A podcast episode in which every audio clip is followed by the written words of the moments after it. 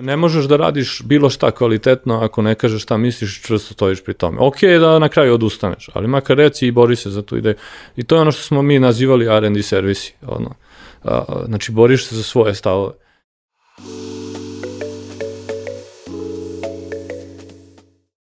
Poštovani slušalci i gledalci, dobrodošli u još jednu epizodu netokracijenog Office Talks podcasta.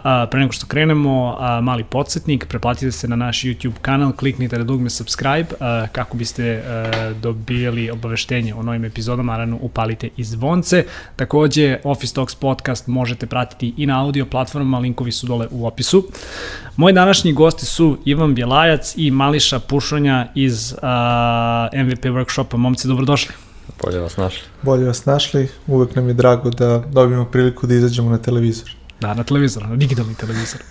A, Razlog zašto sam vas pozvao danas jeste da kažem jedna aktuelnost koja nas je zapravo nedavno ovaj, zadesila, ako mogu tako da kažem i obradovala ovaj, u zajednici, a to je vest da je Celsius, a, vi ćete mi kasnije objasniti čime se zapravo sve te kompanije bave, jer mislim da dobar deo naše publike negde nije zapravo upoznat sa, sa da kažem tim ono, trećim, ovaj, ono, trećim nivom razvoja weba ili da ne kažem web 3.0 ovaj, tehnologijama i kompanijama itd. itd ali u principu a, vest je bila da je Celsius, dakle američka kompanija koja se kažem, jedna od vodećih zapravo platformi za upravljanje kriptovalutama je akvizirala deo vaše kompanije a, i da kažem negde manje više i osnovala zapravo ovaj drugi razvojni centar pored Tel Aviva, dakle drugi razvojni centar u, u, je u Beogradu.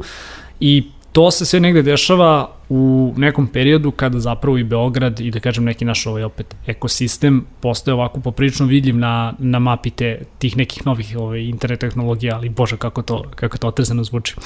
Tako da, ajde nekdo od početka da krenemo. Ovaj, Ivane, baš evo i dok smo se pripremali malo čas za, za epizodu, ovaj, kao vrtim u glavi film kad smo se poslednji put ovaj, ti ja videli na nekom sastanku i to je bilo zapravo u periodu dok si ti još bio u, u Devani. Uh, par godina nakon toga ili možda ubrzo posle toga, ja se sad ne sećam, dugo godina smo svakako u, u industriji, dugo godina se znamo, ali nakon toga je nastao MVP. Pa ajde da krenemo da, negde da. od početka zapravo. Šta je MVP Workshop, kako je firma nastala i čime se vas dvojice danas bavite, ali i vaš tim ovde u BG-u? Pa vezano za nastanak, ne znam da li hoćeš da ti kažemo verziju koju smo pričali tad pre pet godina ili ovaj, ovu, ovu koju pričamo Moderniju. danas. Da. Ja, pazi, ako, ako niste, ovu, da, ovu vidi, ako niste nastali, ako niste nastali iz garaži, ništa, gasi podcast, gasi kamere. ovaj, pa znaš kako, mm, mislim da je Devana i za mene i za Mališu i za još nekoliko naših kolega ovaj, bila jako veliko iskustvo. Za početak, e, to je stvarno firma koja je napravila veću količinu ljudi koji se danas bave nekim jako zanimljivim projektima i taj Manage WP koji je izašao iz Devane, ovaj, njegova akvizicija i, i sve što se dešavalo je bio mnogo zanimljiv i uzbudljiv period u našim životima, ja mislim. E sad ono što se dogodilo u nekom trenutku, bar meni, a, a mislim da je slična priča bila sa još nekoliko tu ljudi, a, postoji taj neki moment kada je pomalo i naporno raditi na jednom proizvodu više godina. Ovaj, ja sam na meni žalju piju, bio sam uključen znači, u tu priču od e, faktički 2012. E, godine do 2016. kada je firma prodata, pa onda i još dve godine u gode, kao deo Godedija.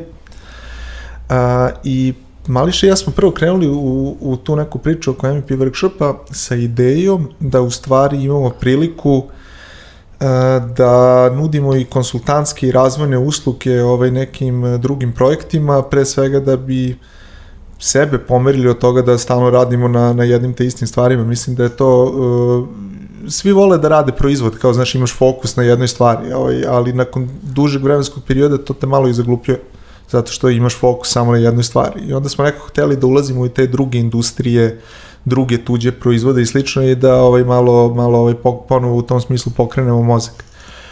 A, to nam nije do kraja uspelo sa MVP workshopom na samom početku, ali ono što se desilo umeđu vremenu, zašto smo još u Devani imali prilike da se dotaknemo blockchaina na nekim Devaninim projektima, uh, nekako smo onda uhvatili taj talas naredne tehnološke verovatno revolucije, da tako kažem, i onda ta želja da razvijamo nove projekte uz priliku koju smo iz Devane ovaj, pokupili, pa i neko znanje koje je tamo nastalo, je omogućila da napravimo firmu koja po meni u nekim stvarima ovaj, zadržava takav jedan duh koji je tamo bio, taj duh okrenut ovaj, da kažem, proizvodnim inovacijama, Samo što, pošto smo, za razliku od Evane koja se bavila pre svega idejom o proizvodima koji u tom trenutku treba da izađu spremni na tržište i koja je živala od tog jednog proizvoda, odnosno od ManageWP-a, a, mi smo se okrenuli više tim nekim pre-competitive tehnologijama koje su u Web3 svetu. I onda je ideja krenula iz toga da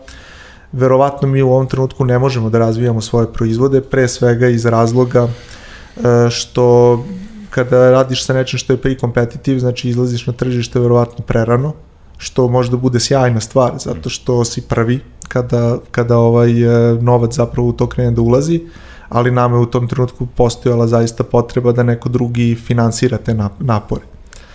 I imali smo drugu veliku sreću, to je ta sreća da nam je prvi ozbiljan klijent e, u toj priči bio u stvari baš Celsius, jeli, od 2017. godine, koji u to vreme bio ideje. I nekako krenuli smo da radimo sa njima na razvoju same te ideje, zatim na nekim tim ranim modelima MVP-a, jeli, ovaj, za njih koji je trebao da dokaže taj koncept, da pokaže ljudima šta ćemo mi u stvari uopšte praviti. Nakon toga se desio, ovaj, izveštavali ste 2018. Celsiusov ICO, pa se zatim, kako se zove, desio sam razvoj i lansiranje proizvoda i onda taj njihov put od ideje do danas 750.000 korisnika, preko 20 milijardi dolara pod menadžmentom i tako dalje, što ih je i napravilo nekom vrstom jednog većih. Vi ste zapravo to od početka bili onako njihov partner, ili da? Od uh, pisanja ono konceptualnih papira, da. da, da. Ono, mi smo, Be, mi smo nije ni bilo zaposleni kad smo krenuli da radimo kao firma s njima, tako. Da. U smislu mi smo prvi zaposleni ovaj, da. kao firma. Jel? Da, kako je, kako izgleda taj neki ono početni period, ajde malo da uđemo u, u to. Kada ste krenuli jedno da rastite? Na Celsius? Pa, na, na MVP, pa evo možemo da krenemo odatle na, na MVP. Pa, znaš kako, ovako, MVP znam, ja znam, da, ja znam da da danas radite zapravo sa ono, još, još par klinata kojima ćemo to pričati, jel da? MVP workshop je nastao, u kripto smo mi ušli u principu inženjerski. Ovaj, ja sam dugo godina bio protiv finteka, ono, u glavi, kao, to mi je bilo ono, nekako nezanimljiva stvar u životu. Ovaj, makar meni, Ivanu, Ivanu je drugačije to bilo, ali pričamo meni u ovom Ja slučaju. volim par. Ovaj, pa nisam to tako ni koncipirao. Ovaj, u suštini, poistovećio sam s bankama i nekim ogromnim enterprise softverima ovaj, u glavi. Nisam se prosto time bavio. O, I mi smo u kripto ušli tako što smo probali da napravimo u okviru te, da laboratoriju Devani nekakav email servis koji je decentralizovan i ono, skratit ću maksimalno priču na tu temu i onda smo skapirali a paralelno sa tim smo se igrali on, ideja MVP workshopa bila u to vreme da mi se bavimo validacijom bilo kakvog proizvoda, pa bilo to i pekara, da nam je to bilo zanimljivo, ono, gde in, intervju observacije, ovaj, jel, građenje user persona, takve neke stvari. Nije bio toliki fokus na implementaciju stvari, više je bio taj početni moment, zato smo i nazvali MVP workshop, iako ovaj, ovi u lokalnim restoranima misle da se bavimo košarkom. Ovaj, tako da, u suštini, a, paralelno su se te dve stvari razvijale i u jednom trenutku smo skapirali da ima smisla da mi se bavimo validacijom stvari u kriptu i to se potrefilo sa marketom koji je, to je znači neka 16. i 17. kada ide taj SEO rush i sve živo a, i ljudi su krenuli da nam se prosto javljaju vi znate kripto, da li može ovo, da li može ono i mi smo u jednom trenutku imali nekih deset upita za razne teme, neke su bile nama zanimljive, neke nisu, jedna od njih je bila i Celsius. Sve to bilo ono od usta do usta su nam dolazili ljudi, nikakav mi tu nismo marketing radili. I Celsius je bio jedna od ekipa koja nam se javila. I u početku Celsiusa mi nismo hteli da im radimo development. Mi smo hteli da im radimo konsultacije, ovaj, znači da im pomognemo da validiraju šta to oni to prava da prave i ono, u trenutku kada oni budu trebali da prave to, mi možemo da pomognemo, možda i ne moramo. Znači, ono, define faza. Uh, I onda smo im prvo uradili ono, nekakav papir, uh, ono, kako se radi ICO. Obratite pažnju na, sećaš se Ivane, obratite pažnju na da. skemove, obratite pažnju na ovo, na ono, I oni su bili u fazonu, dobro, vi momci znate nešto, kao da tu nam kažete, mi ovo želimo jako jer vidimo mogućnost, ajde da, evo, platit ćemo ovaj ajde, papir Ajde vi nama da, da radite development, jel da? Ajde, ne, ne, još nismo. Aha. Ne, nego kao, ajde da, uradimo sledeće, a to je da napišemo šta mi to pravimo, kao white paper neki. I onda je bilo ubrzo, pričam sad u nedelju dana jedno, za dve nedelje drugo, i onda je bilo a, ajde da radimo development. Da, znaš kako, nama je prva ideja kad smo krenuli da pričamo o tom nekom konceptu MVP workshopa bila da mi u stvari radimo, što Mališa reče, validacije nekih proizvodnih ideja. I ti kad radiš validaciju proizvodne ideje, ti validiraš da, ono, odnosno pokušaš da definišeš prvo, pa onda da, da, da validiraš šta je uopšte taj proizvod, i drugo da li postoji tržište za to, da li ono, je to ikom potrebno i da li to neko hoće da plati. E sad kad uh, ulaziš u uh, ja sam sad vol, počeo volim taj izraz kao pre-competitive tehnologije pa ga stalno ovaj, ponavljam. Ali kad ulaziš u te neke nove tehnologije ili tehnologije koje koristi mali broj ljudi, ti onda imaš još jedno pitanje, a to je kao da li to sa trenutnim razvojem tehnologije uopšte može se napraviti. I onda je jako zanimljivo, pošto odjednom sve vreme ono u product developmentu ti u stvari imaš jednačinu s dve nepoznate, ovde imaš tri nepoznate, kao da li ovo, mhm. šta je proizvod, da li nekome treba i da li uopšte može da se napravi. I ovaj, to je onda postoji jako zanimljiv problem, dok smo imali dve nepoznate, ti si mogao da ga rešavaš tako što kažeš mi ćemo to da definišemo kao konsultanti i neki ljudi koji misle da su pametni ovaj, i slično. Ali uh, kad dođeš do toga da, da se postavlja pitanje da li ovo uopšte može da se napravi, ti moraš da odjednom razvijaš i neki svoj development team da bi to dokazao. Nama je prva ideja bila sa MVP workshopom da mi nikada nemamo interni development team, nego da radimo samo define discovery fazu i da budemo kao mnogo dobri u tome. Uh, I da onda, zavisno se od toga šta je proizvod, mi angažujemo development team koji je u tome dobar. E sad, uh, kada uđeš u blockchain 2016. 17. godine, ti ne možeš da angažuješ tim koji je u tome dobar, jer ono timovi ne postoje. Ovaj, ja zapravo mislim da smo mi bili jedni od prvih, ako ne i prvi uh, ljudi koji su ušli u blockchain uh, kao butik blockchain agencija. Znači, imao si pojedince koji su kao freelanceri radili i na nekoliko različitih projekata i imao si firme koje su imali interne uh, ono, in-house snagu da razvija njihov projekat. Ali nisi imao agencije koje su organizovano radile ono Web3 ili da. da da da i koje su baš bile fokusirane samo na to. To prosto nije postojalo kao koncept u tom trenutku. Mislim da smo zapravo vjerojatno mi i Bitfury bili ono prvi u Evropi koji su to radili, za Ameriku nisam siguran.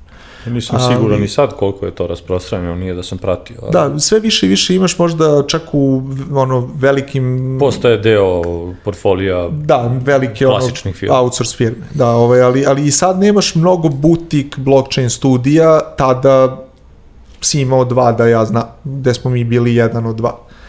I ovaj, to je bio zanimljivo ono iskorak za nas u tom nekom drugom pravcu.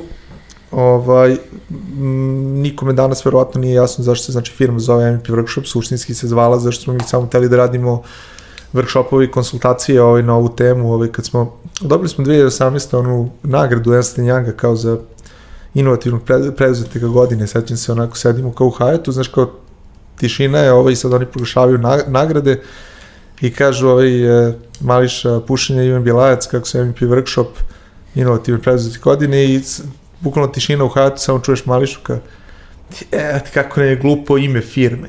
Znaš, ono kako se zove, onako odzvanje. da i dalje misle ljudi da se bavite ovoj košarkom, jel da? pa znaš kako, ovaj, nama se je taj MVP koncept bio jako zanimljiv i dalje jeste nam jako bliska ta ideja da ti sve vreme validiraš nove ideje i da radiš na tim stvarima.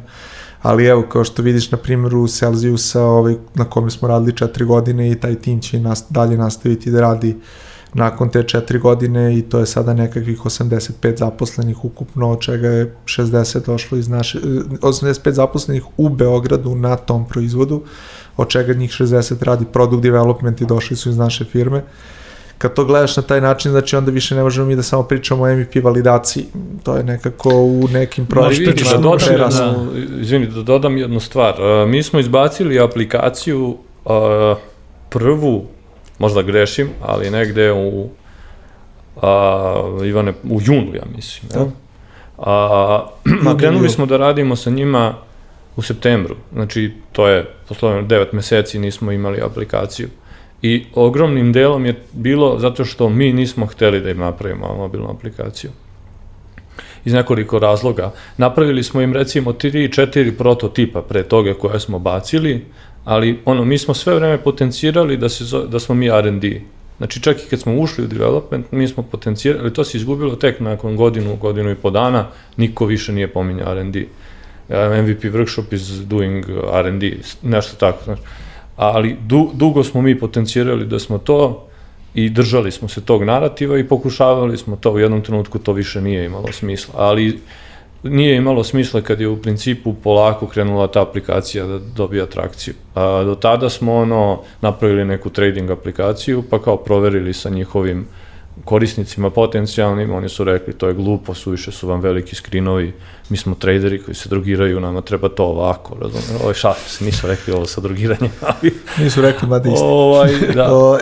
u svakom slučaju, znači, igrali smo, se upoznavali da, da, da. celu stvar. A, I taj narativ R&D-a je postojao dugo, sad je to daleko od R&D-a, ovaj. ali Dobro, ali dalje i dalje, sam da kažem, dalje ima ta hitovala zato da. što smo mi realno to počeli da pravimo, tri meseca nam je trebalo za te neki MVP. A, tako nešto tim je zaista uradio tu sjajan posao, iscimali su se dosta, ali bilo je i dosta i zbog security, znači mm, i zbog toga što nismo, znaš, sama validacija stvari je bila takva da ono mi pokušavamo decentralizovanu stvar da napravimo, dobijamo biznis upite, to je business requestovi koji ne idu u, u sklopu decentralizacije na, i, i tako da cela ta stvar je dosta dugo trajala.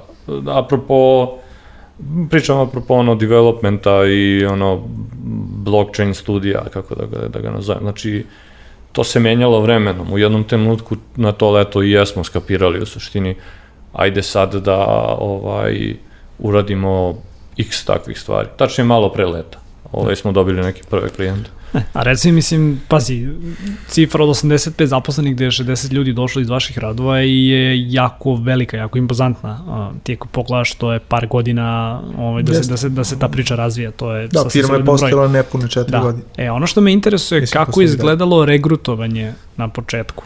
Ovaj, znači kao, evo to, to ću da čujem. E, pa katastrofalno je delovalo, imali smo mi u suštini dva velika tu problema. Prvi problem je što blockchain inženjera nemaš mnogo. Mi smo imali prilike da sa nekim radimo ili da neki mališ ima prilike u, u devani da neke ljude malo i edukuje još i pre ovoga. Ali um, generalno gledano bilo je 2017. godine teško da ti dođeš programeru i ubediš ga da on treba sada da se bavi nekim blockchainom za koji ok, vidi on da sad se tu dešava neki hype i da ima para, ali to je ono Pa ne znam ni da li video da se dešava hype tada. Kako ko? Da. 17. kad je to već Celsius smo uveliko radili, 18. tad su videli, ali... Da, ljudi su se držali ustaljenih stvari, ali da, ali ti nalazio bil, ljude. Da, bilo da, je hype, ali to... Ali okay. za njih isto bilo, da, da, ali postojala je taj moment, znaš, ono, i tada, ono, i kad je bilo hype i kad su ljudi znali već za nešto, ono, nije to bilo kao, aha, ovo je ono, nova dolazeća. nije bila interesantna. Pa da, bilo je više na nivou kao, ok, čekaj, ovo je sporije od ono baze podataka s kojom se ranije radio, kako se skuplje, da li u stvari bolje, ja ću ovo da učim narednih godinu dana, dve godine, da li će iko da ga koristi za dve godine, nekako, znaš, ono... Gde da nađem posle posao? Morao si da, da, ono, morao si da, da probiješ te neke barijere. Bilo je par nekih ljudi koje smo znali duže, ovaj, i koji, koje smo ono, doživljavali kao prijatelje, pa smo ih prevarili ovaj, da, da se zaposle. Uspešno. Tako, mi smo mi rekli kao je, veruj mi, znaš, kao, ni, ne, bit će dobra firma. Sam te ja je kad lagao. kao pon kaže jesi. Ali ovaj, e, da, ovaj, pa te rane, rani, rani zaposleni su u suštini bili ljudi koje smo u principu znali ili smo ih znali preko nekoga koji su eto hteli da ono, mi na početku nismo nikome dogovorili aj dođe radiš u firmi, mi smo na početku govorili ljudima aj dođe radiš na ovom jednom projektu da li će od projekta, da, da li će od projekta da, da postane neka firma ili će on da bude zauvijek projekat, da li ćemo mi da napravimo firmu, šta ćemo raditi sledeće, nemamo pojma. Ovo, ovaj, tako da, rekao bih da je taj neki prvi period se baš to svodio, mi smo bukvalno ono išli okolo govorili ljudima koji su nam, nama dovoljno verovali, aj dođi da probamo ovo nešto da radimo, pa vidjet ćemo šta će da bude, mislimo da je zanimljivo. Da, dobro pazi, vremenom se priča ovaj, ono, zagrela, Ja, ja sam sećam pre dve godine, ako se ne varam, kada je izašao prvi ovaj Startup Genome izveštaj gde su označili gaming i blockchain kao, da kažem sad ono, dve grane koje su možda negde najperspektivnije u Srbiji ili da kažem na kojima se najviše radi. Um, znaš, dosta se u Srbiji priča kao, ok, ajde, naš, imamo produkt kompanija, ali imamo i dosta outsourca. I onda kada vidiš zapravo da se takve dve stvari ovaj, istaknu kao vodeće ovaj, u našoj zajednici, mislim da su se u tom truku negde ljudi ovaj, zapitali kao, ok, ovo je očigledna stvar gde, gde imaš jako puno ljudi koji se zanimaju ovim stvarima i koji razvijaju neke cool, cool ovaj, stvari u BG-u, ali šta hoću da, da vas zapravo pitam sa, sa ovim negde pitanjem jeste, Za slušalci i gledalci koji su možda malo manje upućeni u to šta je Web3, a, poput mene ovde, kako definišete, to jest koja je neka definicija zapravo te tehnologije i po čemu se ta tehnologija razlikuje od onoga, da kažem, na šta smo svi negde ono, već manje više navikli, da ne kažem za to ono Web 2.0 tehnologijom? Ja znam kako bi ja odgovorio, ali možda da krenemo od tebe. A, znaš, uh, to mi je ono, na nivou pitanja, ne mislim da je loše pitanje uopšte, nego mi je na nivou pitanja šta čini dobrog čoveka, ovo, baš mi je teško da odgovorim. da govoriš, da. Filozofsko je pitanje dosta je. a, pa mogu, možemo sa ra raznih ono, uglova da napadnemo Web3, ali mislim da su vrednosti najviše ono, nosioci celo, ne tehnologija koliko vrednosti su definisali onda svaka tehnologija koja pomaže vrednostima da se implementiraju je Web3 tehnologija i vrednosti koje su nos, e, koje, o kojim pričamo su privatnost, bezbednost, autonomnost jedinca na ovaj internetu, kako se zove, na suverenost jedinke, jel? Ili neke zajednice ili nešto to to da se nešto što nije što se ne vezuje što se ne generalno ne vezuje za ono internet danas da pa da i, i recimo sad uh, Bitcoin uh, ovaj ti je u suštini suverenost uh, i delimično privatnost uh, novca.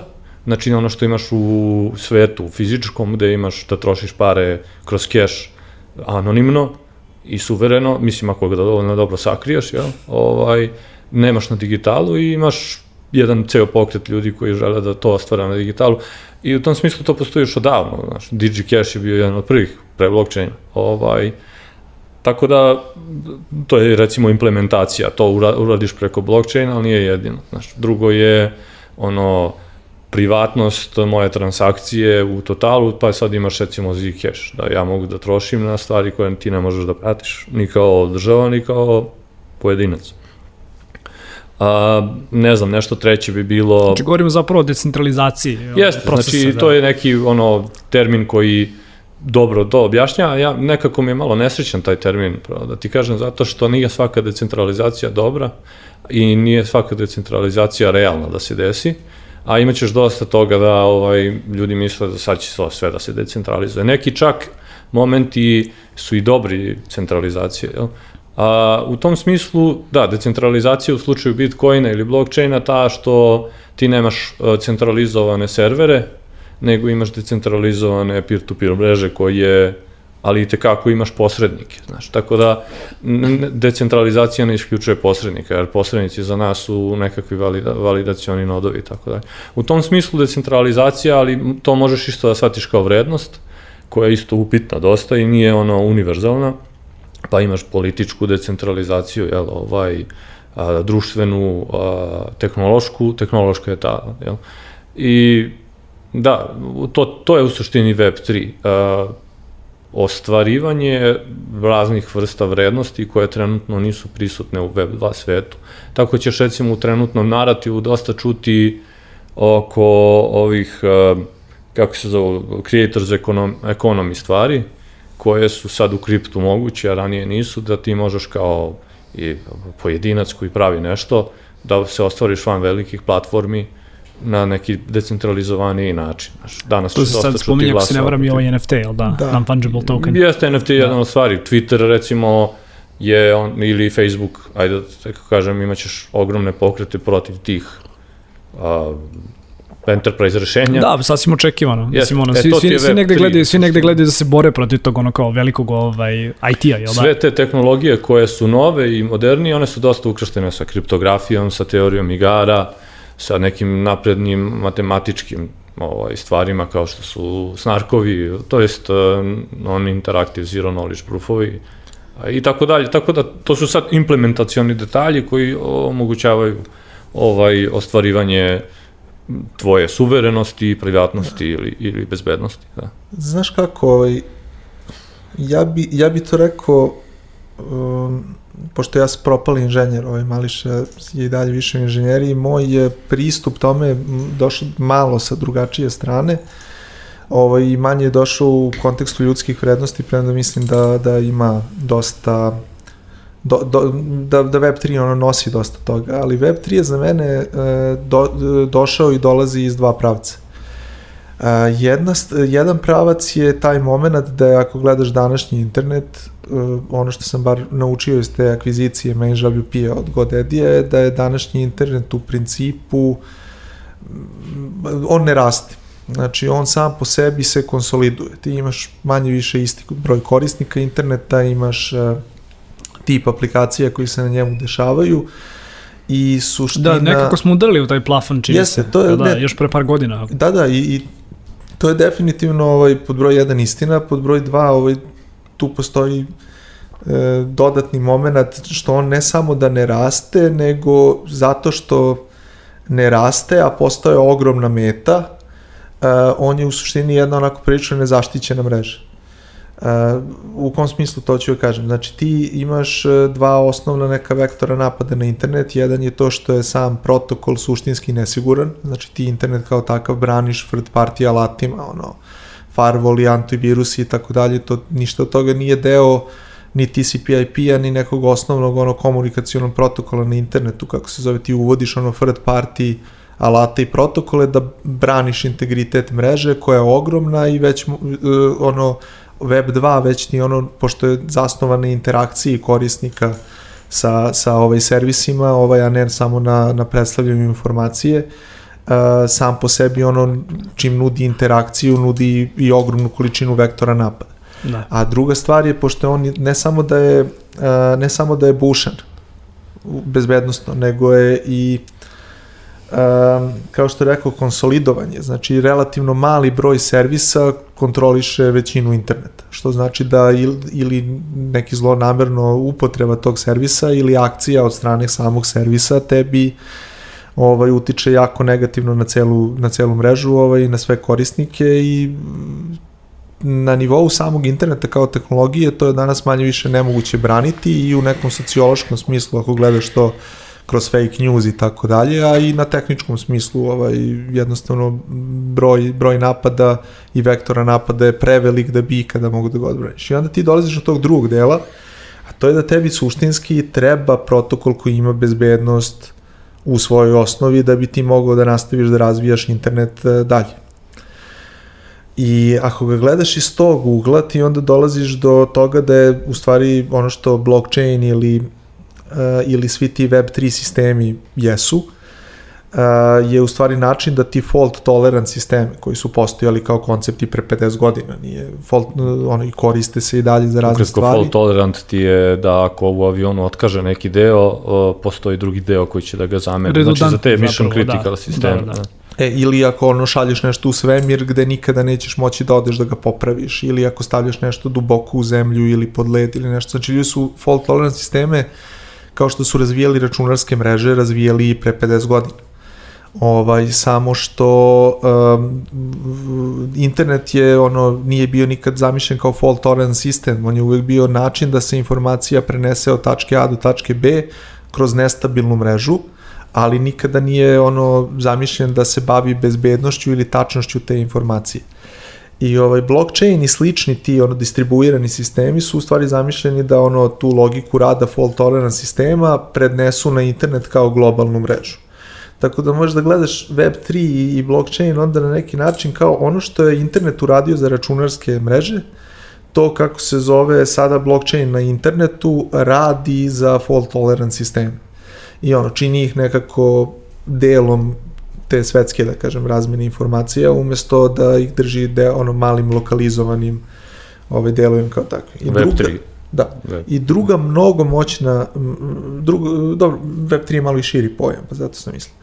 Uh, druga ono moćna stvar u svemu tome ovaj sa Bitcoinom, Ethereumom i svim drugim ovaj, sistema koji su s toga nastali je što samim time, pošto su oni krenuli iz te ideje o kriptovalutama i digitalizaciji novca, on, a otišli u ideju toga da ti na blockchainu možeš da razvijaš manje više bilo kakav sistem, a, ti si onda došao do tog momenta gde u stvari ti odjednom imaš takav fault tolerant sistem koji može da preuzme na sebe prenos, obradu informacija i njihovu ono, isporuku i, i sve što uz to ide, a da istovremeno samim tim zbog e, kriptovaluta u sebi ima automatski ugrađen payment provider što je mnogo moćan, moćan koncept, kad ti odjednom imaš kako se zove distribuiran bezbedan sistem na kojem možeš da razvijaš softver koji u, u, u tom trenutku kad si to uradio, bez da se igde prijaviš ono za Stripe ili nešto i da nešto radiš, u sebi ima, da. da, u sebi ima ugrađen sistem plaćanja.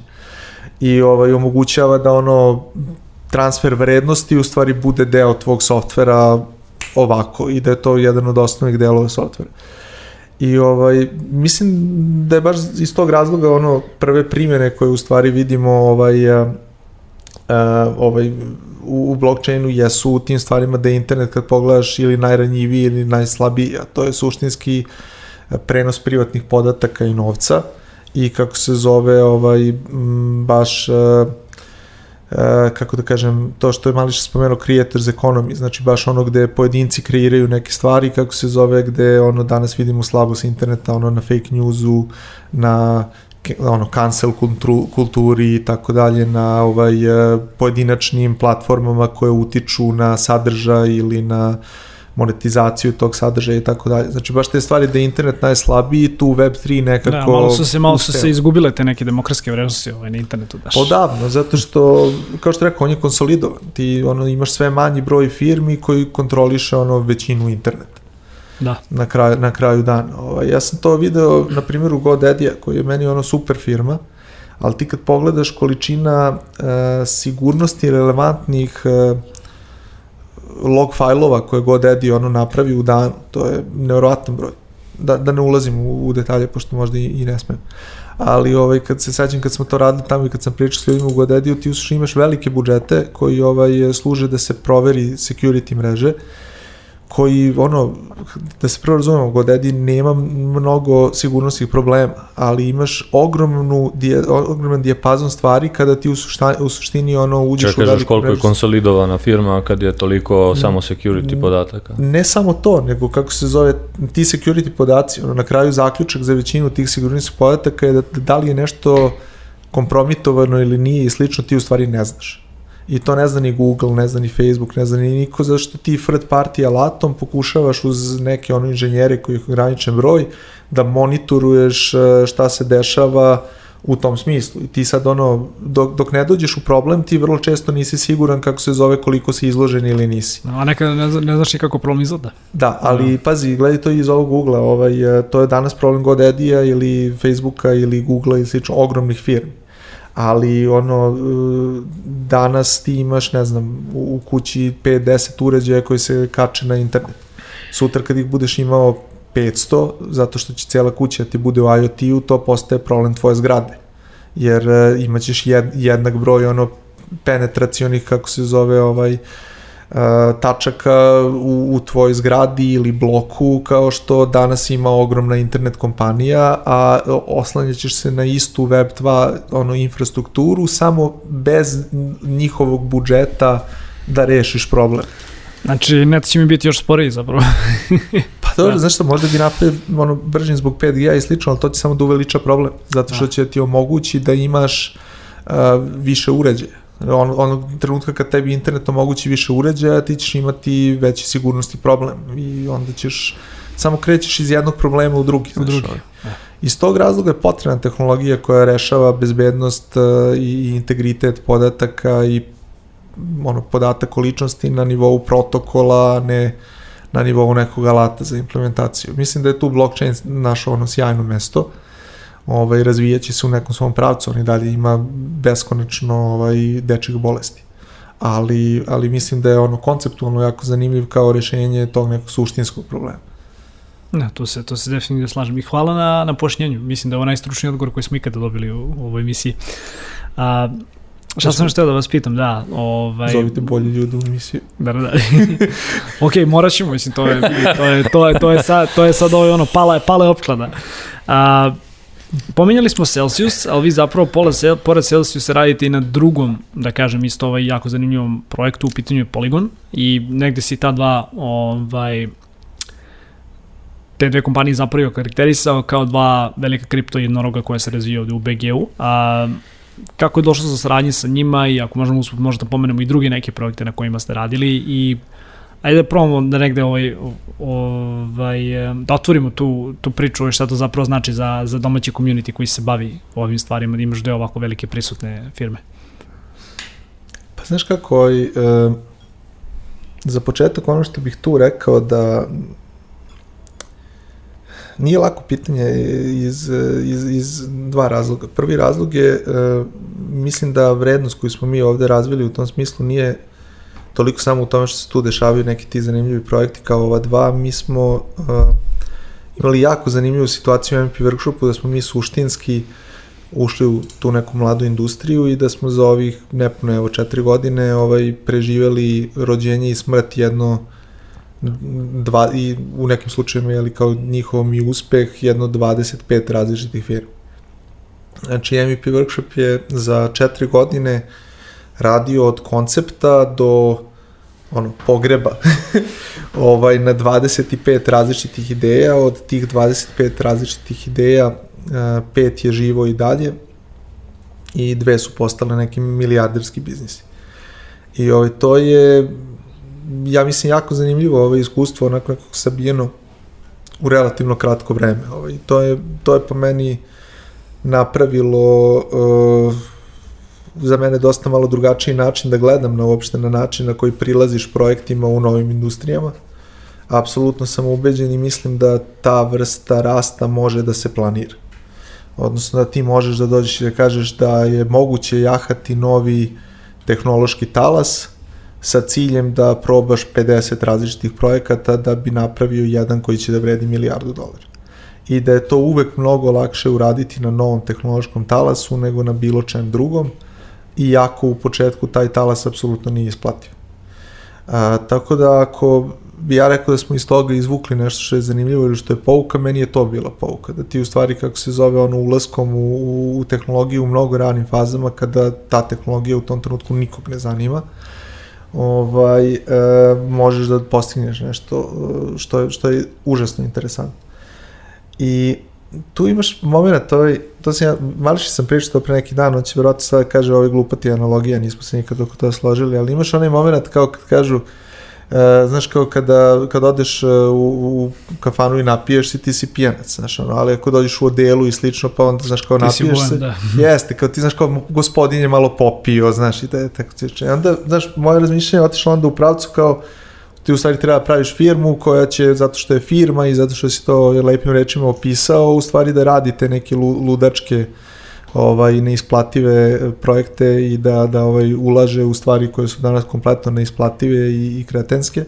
Ovaj zato što down the line uh, ćeš verovatno na na ob, prostom obimu tih stvari u stvari napraviti jako uspešne biznise, ali ako ne napraviš firmu oko toga, ti si onaj tip koji sedi u garaži kao i znaš kao nešto gleda u sijalicu ovaj i priča sa svetlima. I znaš i onda ludi, ludi naučnik da. Da da, da ovaj, znači u stvari način da da ono ne, ne, ne postaneš ludi naučnik i da napraviš firmu i da tvrdiš da ti u stvari radiš jako ovaj ozbiljne dugoročne stvari a u stvari radiš isto što bi radili ludi naučnici samo samo iz tog nekog drugog.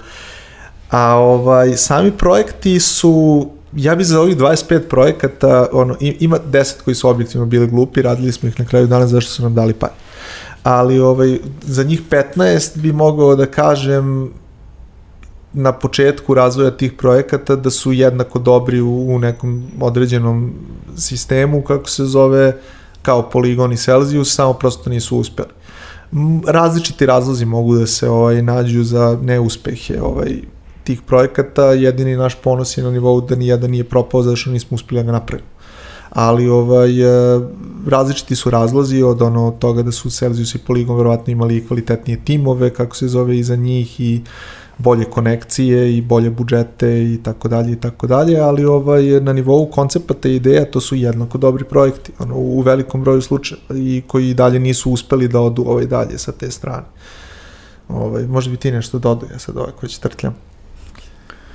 Pa vezano za te druge projekte i ovaj u suštini Poligon je on je postojao pre nego što smo mi radili na njemu. Ima taj famozni kon, da. e-mail da. iz 2018.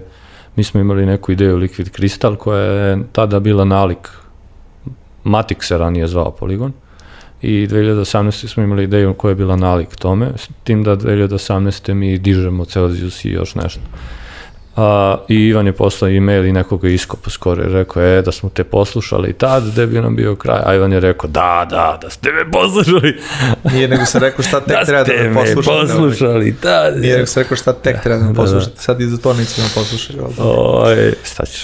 2023. ćemo neko da iskopa ime. Oj, a, I Matik je postao i radio je. I radio je nešto, znaš ali ove godine, odnosno, ove godine? Prethodne.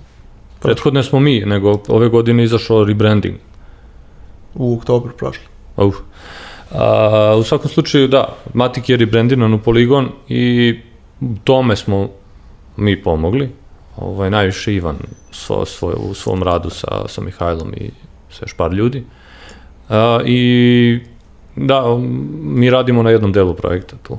Tako da možemo sa pravom reći da smo mi tu bili Učestvo. učestvovali, da. Daleko od toga da smo mi kao ekipa digli poligon. I, ali dobro, aktivno ste ga razvijali. Ali smo ga aktivno razvijali i bili smo tu, znači, Znaš, ovaj, da. to, to, to bih hteo da samo kažem da ne bude neko tamo kaže, e, ovo je naša ekipa, ja se ljudi sve. u komentarima, da. da, da, neće. Kako, da, zavisi jako kako ga gledaš. Uh, zato što pod broj 1 mi kao MVP Workshop smo imali Liquid Crystal u glavi kao koncepte neke 2018. zato što videli smo da ono, o, mi, mi smo 2018. godine odlučili da su Layer 2 rešenja i slično u stvari budućnost tog nekog skaliranja blockchain. I to smo znali.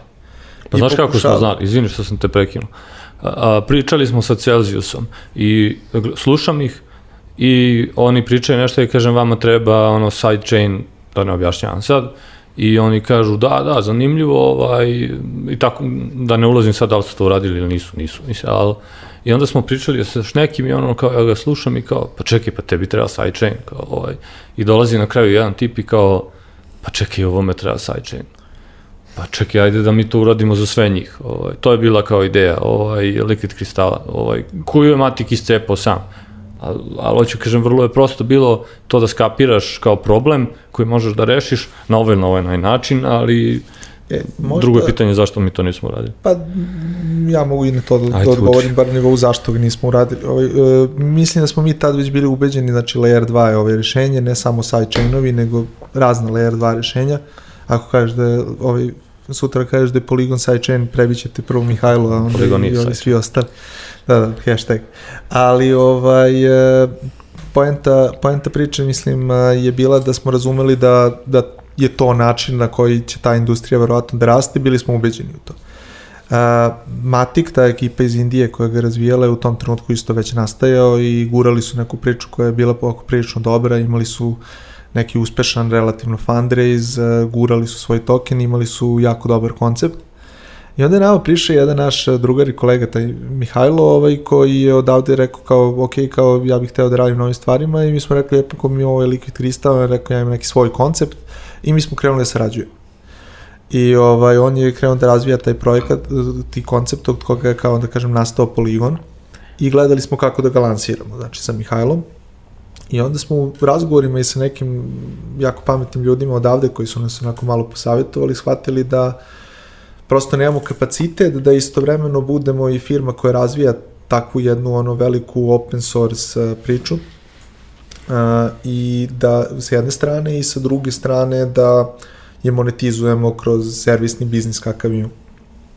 I onda se desilo to da u tim razgovorima, razmišljanjima, pisanju koncepata, jeli od strane Mihajla uz uh, našu pomoć kako god možemo da je pružimo u tom trenutku, uh, da je jednostavno napravljeno neko partnerstvo između Mihajla i Matika, da je ovaj taj koncept na kome smo radili i taj white paper koji je Mihajlo napisao da su da kažem, preuzeti od strane Matika kao deo tog partnerstva i isto neke mikroakvizicije u tom smislu. Mihajlo je postao u Matiku co-founder, ovaj, a Matik je odlučio da ono uzme ženino prezime, kako se zove, u tom braku i ovaj, nazvu sebe, imenovao sebe u Poligon. Poligon. Ovaj, što je nama bila satisfakcija, zato što smo mi još dok, je, dok se zvao Poligon, a, ovaj, e, zajedno sa Mihajlom pričali sa jako mnogo ljudi, pa su oni posle rekli, čekaj, čekaj, ovo je ono vaše. Ovaj, ali e, mi smo znači učestvovali u tome, ali taj, taj merger u stvari tog koncepta koji je Mihajlo osmislio sa Matikom kao ovaj već uspešnim blockchain projektom je u stvari ono što je zavrteo Poligon. E sad, pošto smo mi već bili u tim pričama i slično, mi smo onda uzeli na sebe u tom razgovoru i dogovoru da razvijamo dalje Polygon SDK, odnosno sve te razvojne alate koji omogućavaju da nešto praviš na poligonu je razvijao MVP workshop i, i danas ih razvija i planira da ih razvija u budućnosti, tako da mi smo neka vrsta product ownera software development kita za, za poligon. A Matik je u tom trenutku kad, kad je napravljen dogovor imao neku tržišnu kapitalizaciju od nekih 50 miliona dolara, ovaj, nakon toga i nakon uvođenja tih koncepata to je beskonačno poraslo, mislim, mislim da su oni sad neki 6-7 milijardi. Ovaj. Ne znam više market cap ovaj o, jedan jedan jako lep jednorog da se da se razvija ovde. Jako je ovaj, pa da, jako da. interesantan projekat i trenutno na na poligonu odnosno na toj Matic mreži i poligonu u suštini se razvija neki 500 600 različitih e, blockchain proizvoda od kojih su neki jako poznati.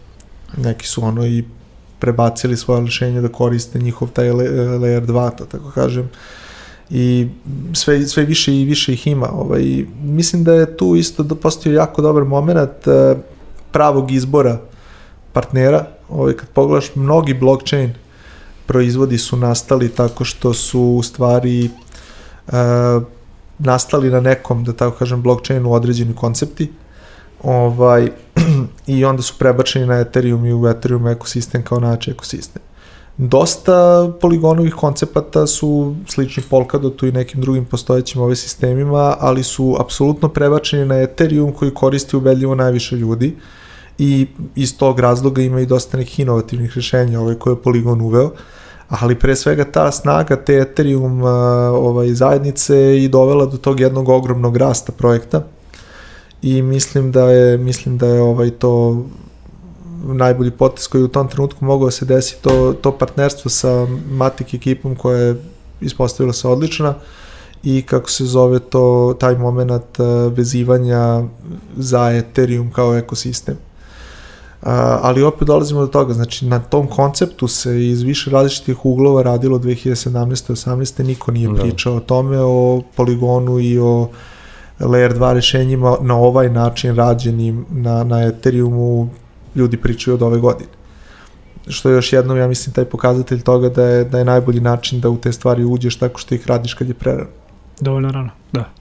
Reci mi, sad ovo je bilo negdje i ono deo šireg pitanja koje sam ti postavio ovaj, malo čas kada smo pripremali epizodu, a ako bi se morali da dam možda jednostavno, mada znam da je, da je možda teško dati jednostavno odgovor, kao što si Mališa rekao, malo filozofsko pitanje, ali čisto da probamo negde da skrenemo pažnju ljudima. Ovo, ovaj, imam utisak da većina firmi koje se, ono, poput eto, Celsiusa i Poligona sada i odlučuju da razvijaju ove stvari u Beogradu, uh, podjedan nije više jeftina radna snaga, nije apsolutno dakle, ovaj, priča o tom, već zapravo pristup jako talentovanim i pametnim ljudima koji i tekako mogu da, kažem, da igraju ovaj, poput ono našeg MVP-a ovaj, basketu, da mogu zapravo da igraju na, na globalnoj sceni. Da li se negde slažeš sa, sa to nekom tvrdnjom? Pa sigurno nije ono pre svega jeftina radna snaga i sigurno nije Uh, kako da kažem, sigurno nije glavni driver uh, to što cena sigurno nije glavni driver, ono, znači u suštini sve više i više ljudi ovaj, prosto prepoznaje da u Beogradu postoje firme koje dokazano ovakve stvari umeju da naprave što za većinu mesta prosto nije, nije slučaj. Ono. Znači ti ćeš naći neku firmu, ona će nešto probati, uspeći ili neće uspeti. Ovde kao već počinje se pravi malo ta neka reputacija, a ovi ljudi će ga napraviti. I ovaj, to je možda i najbitnija stvar, ja mislim, u, u tom smislu. A nama se to dopada, ovaj, da dovlačimo strance ovde i da im pričamo šta treba da rade. Pa ne, ne znam, znaš, jedno je narativ, šta je drugo i šta je realnost. Ja nisam siguran šta je realnost. Svakako jesmo jeftinija radna snaga. Ovaj, ne kažem da smo Da, jeftina. sigurno Ali nije, ali nije jedini razlog u Jeftinija, kojeg ljudi prvi ja, ja, recimo, mi kad tražimo programera, mi imamo izbor da zaposlimo u Japanu, pošto su ono remote first kompanije, ali mene kao co-foundera boli da damo te pare. Ovaj, razumeš, ako mene, jer znam koliko košta u Srbiji programer, tako da ako mene boli i ono nepravedno diskriminišem u suprotnom pravcu, zamišljam nekog ko živi u Japanu, ovaj, ono, šta je razlika. Tako da sigurno ima taj moment i ne, mis, ne, mislim, ne, ne mislim da nas doživljavaju kao jeftinu, ali kao jeftiniju e, radnu snagu. Mislim definitivno da mogu da dobiju ono manje for, money for value, ono. Znači imaš tri stepena, ono, Ne, ne, svakako dobijaju manji farvalje, ali dobijaju i ono, i sam proizvod na kraju. Da. to, to je, da, da, Da. da. ali to je drugo, ali mislim da je stvar integriteta, ono, mislim kakav narativ treba da razvijamo, mi, mi smo ga u firmi razvili, neki ljudi ne mogu i dan danas da skapiraju taj narativ, oni se ponašaju vrlo poslušno, ovaj, i to prema klijentu, ne prema poslodavcu, znaš, ovaj, a ako smo mi poslodavac, oni su poslušniji prema klijentu nego prema firmi koja ih angažuje, ovaj, a mi im uporno govoramo da moraju da ima ono, što bi jevreji rekli, onaj čucpa, o, drznovenije, odnosno muda, ne znam kako da ga nazovem. A ne znam da li sme da se to kaže. Ovaj, moraju to da razviju. o- o- može Jer da ne nešto- možeš da radiš bilo šta kvalitetno ako ne kažeš šta misliš, čvrsto stojiš pri tome. Ok je da na kraju odustaneš, ali makar reci i bori se za tu ideju. I to je ono što smo mi nazivali R&D servisi. Ono. A, znači, boriš se za svoje stavove. I on će to da poštuje ili neće, ali brate, zalegni. Ovo je, Ovaj. ovo je, ovo je baš udarna korporacija, ali slažem se s tim, apsolutno. A, pa ja kažem kako ja vidim. U tom smislu ne možemo, to je po mojom mišljenju narativ koji treba da se razvija, koji je Izraelu još odavno. Jel? Kada otvoriš Startup Nation imaš ono na 47. strani ono čitavo poglavlje o tom čucpah, ili kako god da ga ovaj, naziva. Imamo i mi tu neku staru reč drznovenije. Ovaj, a, i, I mislim da je to dobar stav. Ovaj, I mi smo to razvili. Mene nekad zaboli kad mi neko govori u firmi, ono, znaš, kao, ja, ovaj, šta ti uopšte, to je glupa ideja, ali, ali ono, moraš da progutaš to.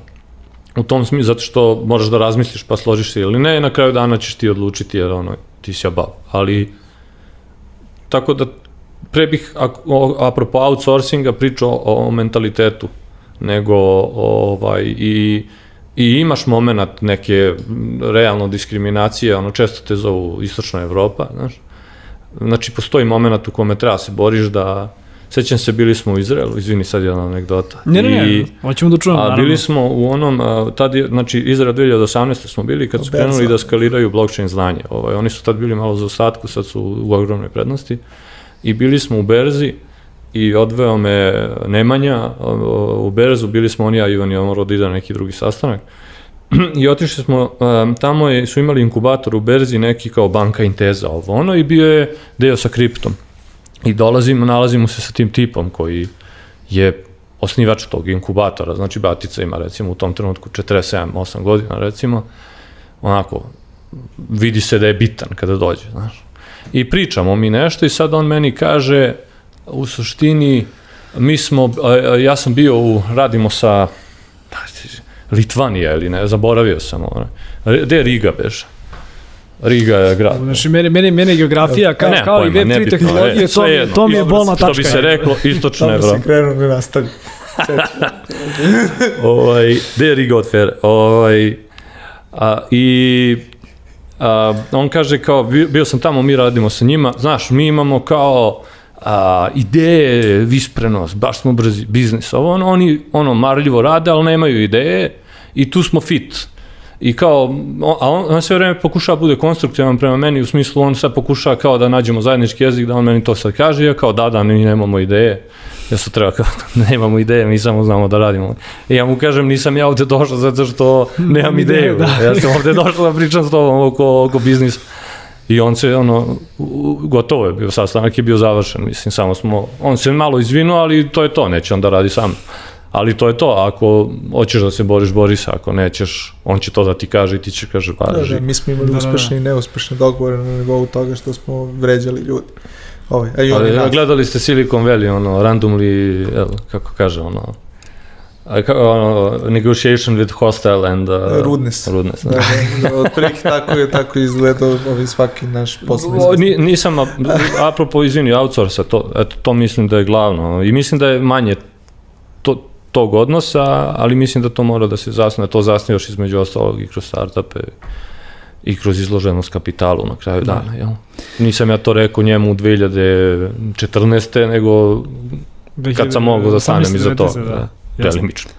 A reci mi koliko je u MVP-u, to se ko, šta se dalje dešava sa MVP-em, koliko je, da kažem, taj ono R&D moment i dalje izražen kod vas i koje su zapravo neke uloge? Mislim da se dosta spekulisalo po medijima ovaj, kao koja je tvoja sledeća uloga, ostaješ u Celsiusu, ostaješ u MVP-u, pa možda i taj deo da, da raščistimo.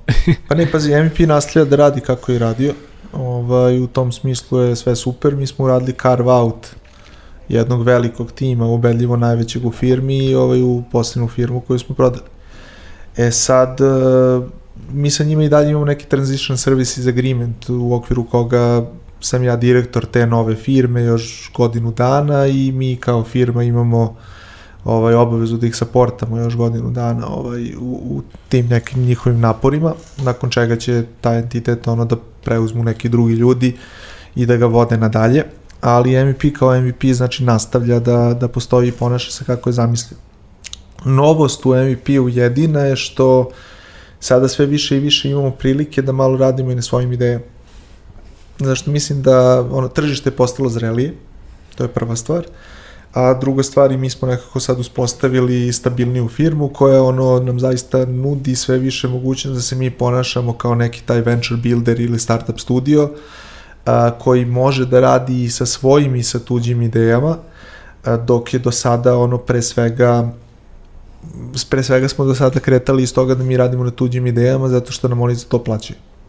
Ok, u nekim trenucima davali su nam ovaj, neke dodatne ovaj, mogućnosti zarade i bonuse, kako se zove ovaj, na tim projektima, tako da na neki način smo u nekima imali i neku vrstu, ajde da kažem, deljenja uspeha. Ali u suštini- u tom nekom poslovnom smislu. Da, da, ali ovaj, ali ovaj kad pogledam, u suštini mi smo uvek ekonomski rizik prebacivali na klijenta kad god smo mogli. Ovaj, I tako je firma nastajala. E sad nekako ono, sve više možemo da radimo i neke svoje stvari, mislimo da ono, u tim pre-competitive stvarima ima dosta a, prilika za dalji ozbiljan razvoj i da ono mi možemo da igramo i malo rizičnije, u, ne u smislu da ćemo sad kao odjednom da, da ono postanemo koncenzus i izbahatimo se za milijarde dolara, ovaj, nismo, niti, niti ih imamo, niti bi to radili, ali imamo taj moment da možemo da kažemo sebi u redu, izdvojit ćemo tim koji će ovo da radi uh, godinu dana, pa ćemo jednog dana da vidimo šta će s njime da se desi. I pokušavamo od toga da napravimo u stvari model ponašanja. Znači da, da imamo ovaj deo firme koji se bavi samo pri competitive tehnologijama i eksperimentima baziranim na njima, taj tim Mališa vodi, zovemo ga 3327 i ova ideja je da iz njega krenu da nastaju sve više i više različiti drugi projekti i interni startupi ili da po tom istom modelu ovaj krenemo da, da ovaj nudimo i kao što rekao ono, klijentima usluge u tom nekom pravcu. Uh, nama trenutno ono pristup klijentima nije neki problem zato što mi smo sad ono kao mi smo ona ekipa što je kao radila na Celsiusu i Polygonu. Da, pozicionirali ste se. Da, da, znači ono, nekako ljudi sad to znaju. Nama sad ono, nama je ostalo par desetina ljudi, ovaj, imamo uh, bez velikog dela ovaj, ljudi smo ostali i dalje imamo u našoj mreži neke ljude koji mogu da nam se priključe i part time ili kako god na nekim projektima pa i da uradimo možda nešto veće zajedno, ali, ali ovaj, mi smo se dosta smanjili, ali nama je trenutno ograničavajući faktor to što mi opet treba da krenemo da ovaj da kažem prikupljamo ekipu u tom smislu zbog smanjenja, ali ali ovaj projekti dolaze iz razloga što sada već postoji neko ime. I ovaj mislim da je to najveća promena, znači što za razliku od pre par godina kad smo mi morali da idemo okolo da jurimo neke ljude da im pravimo nešto na blockchainu, sad svi dolaze da pitaju. Ovaj, a i druga stvar kao što rekao što mi možemo na osnovu nekog svog kapitala da guramo neke ovaj svoje svoje ove stvari koje koje su nama mnogo zanimljivije. E, dosta se u tom smislu promenila ova situacija u firmi, a ja nekako kad krenem da razmišljam o tome da smo mi iz Devane i Godedije i ovoga krenuli ovo da razvijamo, izdvojili ga jeli, u nešto to svoje i slično i da i da smo onda, kako da kažem, ušli u ceo taj pravac razmišljanja, osjećam se kao da je prošlo mnogo duže od četiri godine. Da. Ovaj, ne znam kakav je tvoj utisak, ali ovaj, iskreno imam baš onako dosta, dosta ovaj, taj moment u glavi kao da je prošlo mnogo više vremena. Da, kad mm. pogledaš da se stvari urađeno, mislim, čini se i meni da je prošlo mnogo više vremena nego, nego što, što jeste. Pa nisam u količinu urađenih stvari, znaš, tu je bilo i ono, nego količina promena. Znaš, količina promena je ovaj, bila jako, jako drugačija, ono, i kada gledaš uh, te druge poslove koje smo radili i to što se desavalo u MVP workshopu, ovaj, to je bilo u total, to je totalan kontest. To je ono, brzina, brzina stvari ovaj, koliko se brzinom stvari promene, ovaj, to je... Imali smo žurku sad sa ovim, znaš kao, pošto to 85 ljudi sad u Beogradu koji rade na Celsiusu, ja se sećam, ja pričam, ovaj, tu je ovaj Alex, mašinski CEO Celsiusa, Daniel koji im je CEO, mi i tako dalje, i sad ono, oni su nešto pričali, dolazim ja na red nešto da kažem, i ja sad kažem kao, čestitam ono za sve ovo što je bilo do sad na razvoju proizvoda i to vidim, ovi moji aplaudiraju, ovi supporta onako kao gledaju sad kao dobro, kao ovo je neki... Ko je ovaj čovjek? Pa da, ovo je neki novi direktor, kao šta je sad ovo?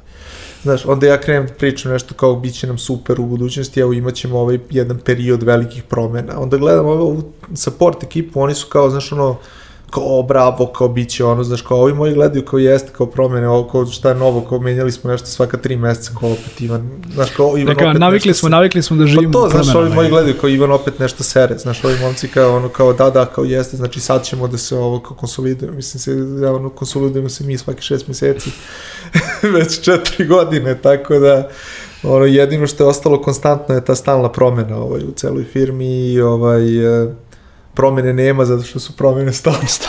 Da. A, pomenuo si 3327, koji je zapravo tim koji, koji Mališa vodi. Ovaj, I evo za kraj, pošto probi smo negde sat vremena, ali neka jako interesantna priča. Ovaj, nadam se da će biti slušalcima i gledalcima, kao ovom delu ekipa koja razume ovo, koja će razumeti nakon, nakon ove epizode. Uh, 3327 je baš nedavno raspisao i program letnje prakse. Uh mhm. -huh. Mislim da je to, da kažem, ok, priča skroz da, da negde privedemo o, ovaj današnji podcast kraju, ali malo više da nam kažeš o samom timu i ako nam Ivan dao, da kažem, dobar uvod i da pozovemo možda, eto, ono, slušalce, gledalce koji, koji da kažem, negde ovaj, žele da se više upoznaju sa Web3 tehnologijom, žele zapravo negde da, da se ono, na kraju dana druže s vama dvojicom, žele da slušaju tvoje govore i žele da budu u tim nekim konstantnim ovih promenama a, na čemu tačno ono radite u smislu ono kako je kako je tim koncipiran a, i eto da čujemo malo više o tom programu ove letnje prakse.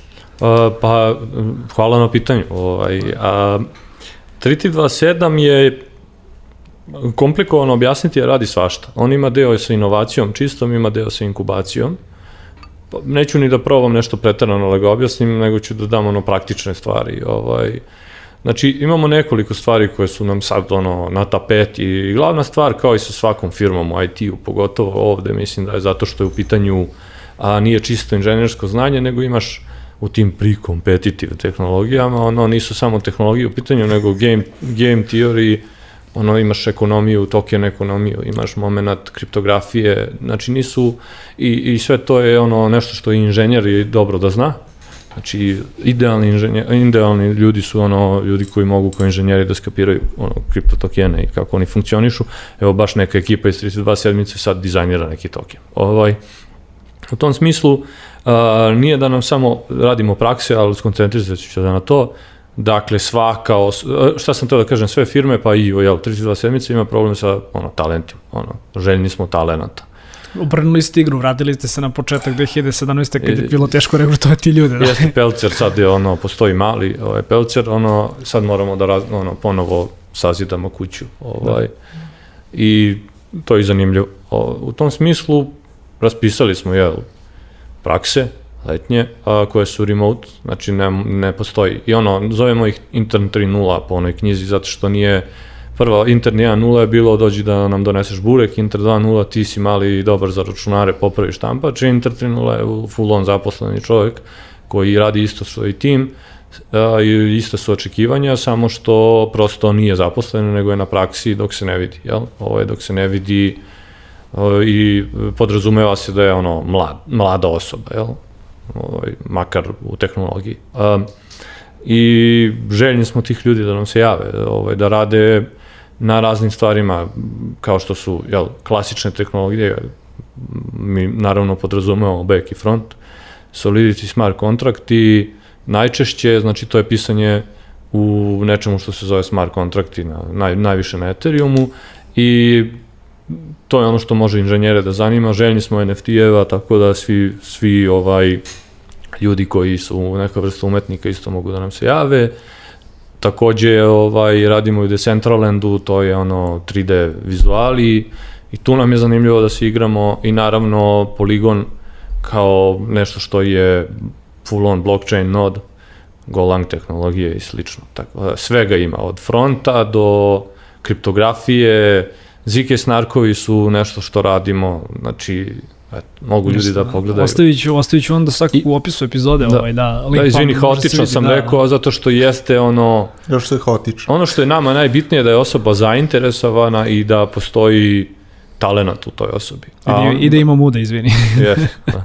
Integritet, što bi se reklo, da. Pa dobro, nije da mora. O, je dobro, da. I da, da ne budemo, da ne budemo previše seksisti sada, da ispadne da pošljete samo muškarci. Ne, nisam da, na tom mislio, ali ovaj, imamo, znaš kako, ovaj, uh, Mislim da, da imamo tu dva neka bitna momenta. Ono prvi bitan moment je da je nama jako bitno da u stvari ti hoćeš da inoviraš u multidisciplinarnim tehnologijama. Znači da ono nije kao u fazonu ne, ne, mene zanima samo ova jedna stvar i slično. I ovaj, ta druga stvar je da budeš svestan da je cilj u inovaciji, a ne u zadovoljenju nekog uh, naručioca posla. Ovaj, što je malo, kad dođeš da radiš u, u firmu koja objektivno jeste na neki način outsourcing firma, e, ili je premda to bila 90%, sad malo više smanjujemo taj procenat čistog outsourcinga, ali kad dođeš outsourcing firmu i kad ti neko kaže ovaj nije cilj da zadovoljiš klijenta, kako se to čudno zvuči.